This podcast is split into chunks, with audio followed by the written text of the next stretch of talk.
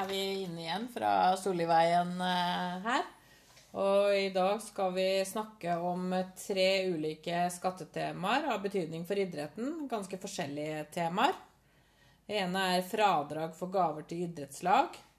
Eh, Det andre er utøverfond. Og det tredje er artistskatt.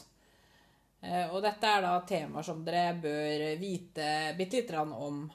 Eh, Og jeg heter Linda og har som vanlig ekspert Odd Anders til å snakke om disse temaene.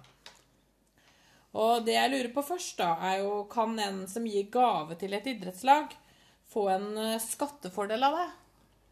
Eh, ja, det kan man. Det er en regel i skatteloven, eh, paragraf 650, som gjelder for eh, Som, som eh, gir fradrag i eh, inntekten for pengegaver. Og det har da betydning for den alminnelige inntekten. Med andre ord, dette skattefradraget vil da gi en effekt på 22% Man får på en måte 22 igjen uh, av eh, det, den gaven som man har gitt. Uh, 650 den gjelder fradrag for pengegaver. Altså det må være gaver i form av penger. Og det må være gitt i en sammenslutning, står det der, som driver barne- og ungdomsrettet arbeid innen bl.a. idrett.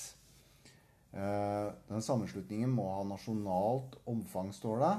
Og gaven må være minst 500 kroner i løpet av inntektsåret. Maksimalt så kan, det, så, kan man gi slike gaver eh, for 50 000 kroner i året og få fradrag eh, for det. Dette er beløp som har økt egentlig mange Det øker stadig. Ja. Uh, ja.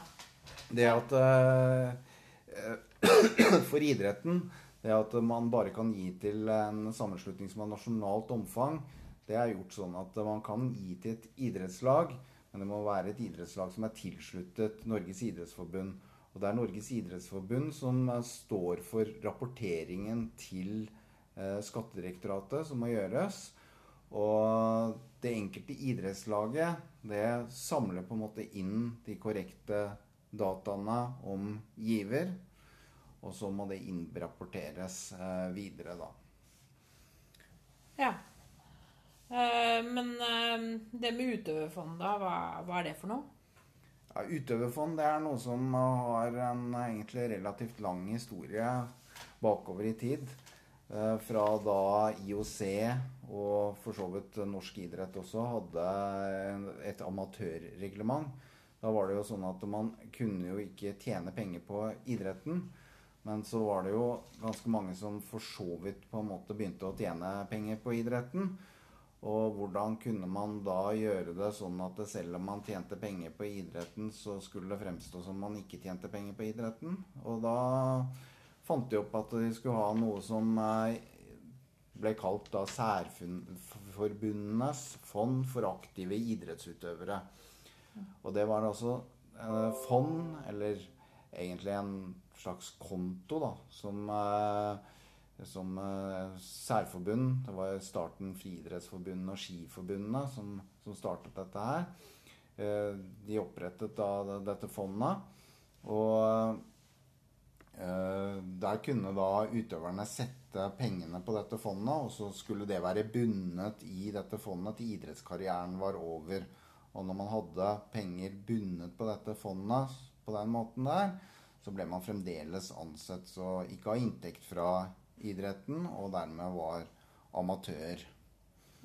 Så det er på en måte fondsordningen, og den har fortsatt. Og mm, Finansdepartementet i samarbeid med de særforbundene som jeg nevnte, de lagde noen sånne standardvedtekter for disse. Og, og de følges sånn mer eller mindre ennå med noen litt sånne tilpasninger. Men eh, hva slags eh, skattevirkning har det da at en utøver har et sånt eh, fond? Eh, Ja, skattevirkningen er jo det at man ikke skal betale skatt før man tar penger ut av fondet. Det er på en måte det som er greia. Og nå var jo opprinnelig tenkt sånn at man skulle ikke ta ut penger fra dette fondet før man er ferdig med idrettskarrieren. Men så vidt jeg vet, så er alle de særforbundene som har eh, fondsordning, eh, de har regler som egentlig er praktisert sånn at man kan ta ut pengene omtrent eh, når som helst.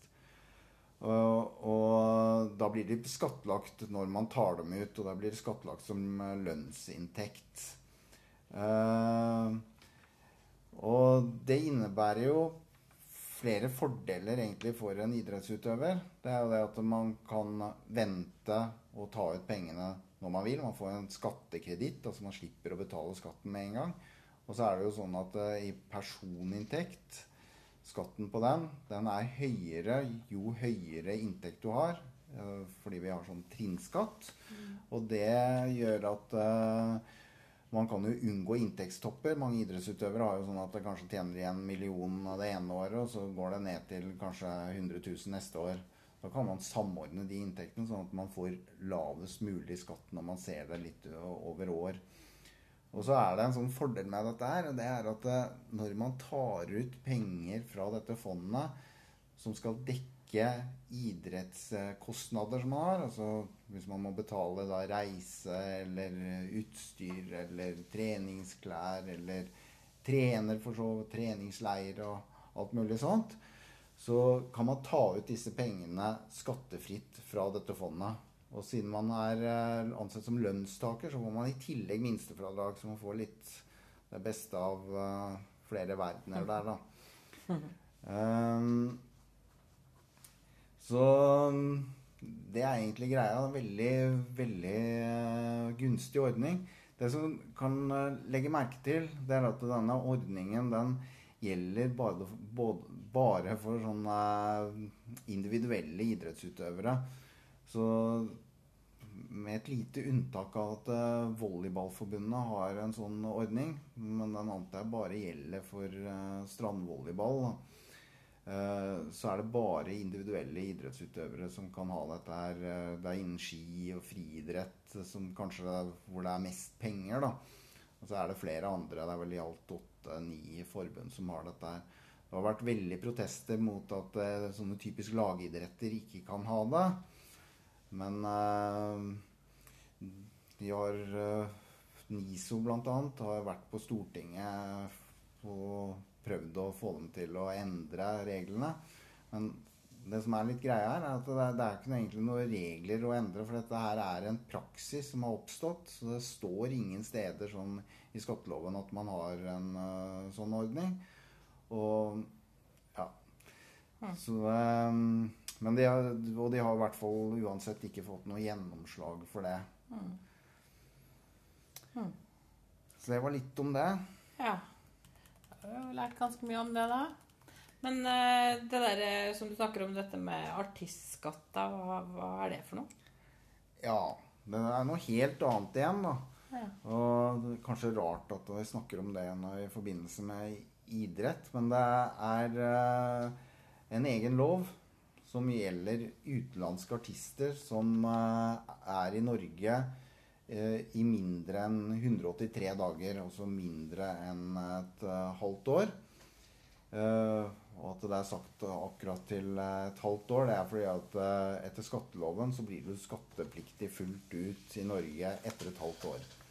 Men disse blir gunstig beskattet da de første 183 dagene, eller rettere sagt, hvis de bare er her min, eh, mindre enn 183 dager, så blir de gunstig beskattet med bare 15% Og det som gjør at dette har noe med idrett å gjøre, det er at uh, som artister etter denne artistskatteloven, så er, omfattes også idrettsutøvere. De blir altså ansett som artister etter denne, denne loven. Mm.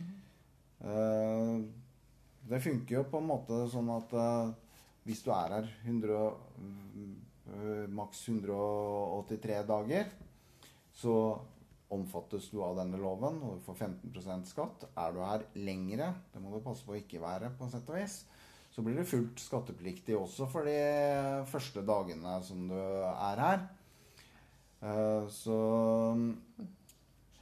Kan jeg spørre om noe? Er ja. det blir du da skatta i hjemlandet i tillegg da, eller? Ja, altså disse her reglene her begynner å bli litt avanserte. da, Disse her reglene her, de bygger på eh, en en, sånn standard skatteavtale. Eh, slik at det, det er mange land som har de samme reglene som er. Og det vanlige i de skatteavtalene, det er jo at du får kreditt for den skatten du betaler i eh, utlandet, i skatten i hjemlandet. Noen ganger så kan det være sånn at du får fritak i, for, for den skatten i hjemlandet. Så det avhenger litt av det andre landet sine regler, rett og slett. Ja. Så denne artistskatteloven den har jo vært brukt på sett og vis innen idretten. Og særlig har jeg sett at den ble brukt noen ganger innen ishockey.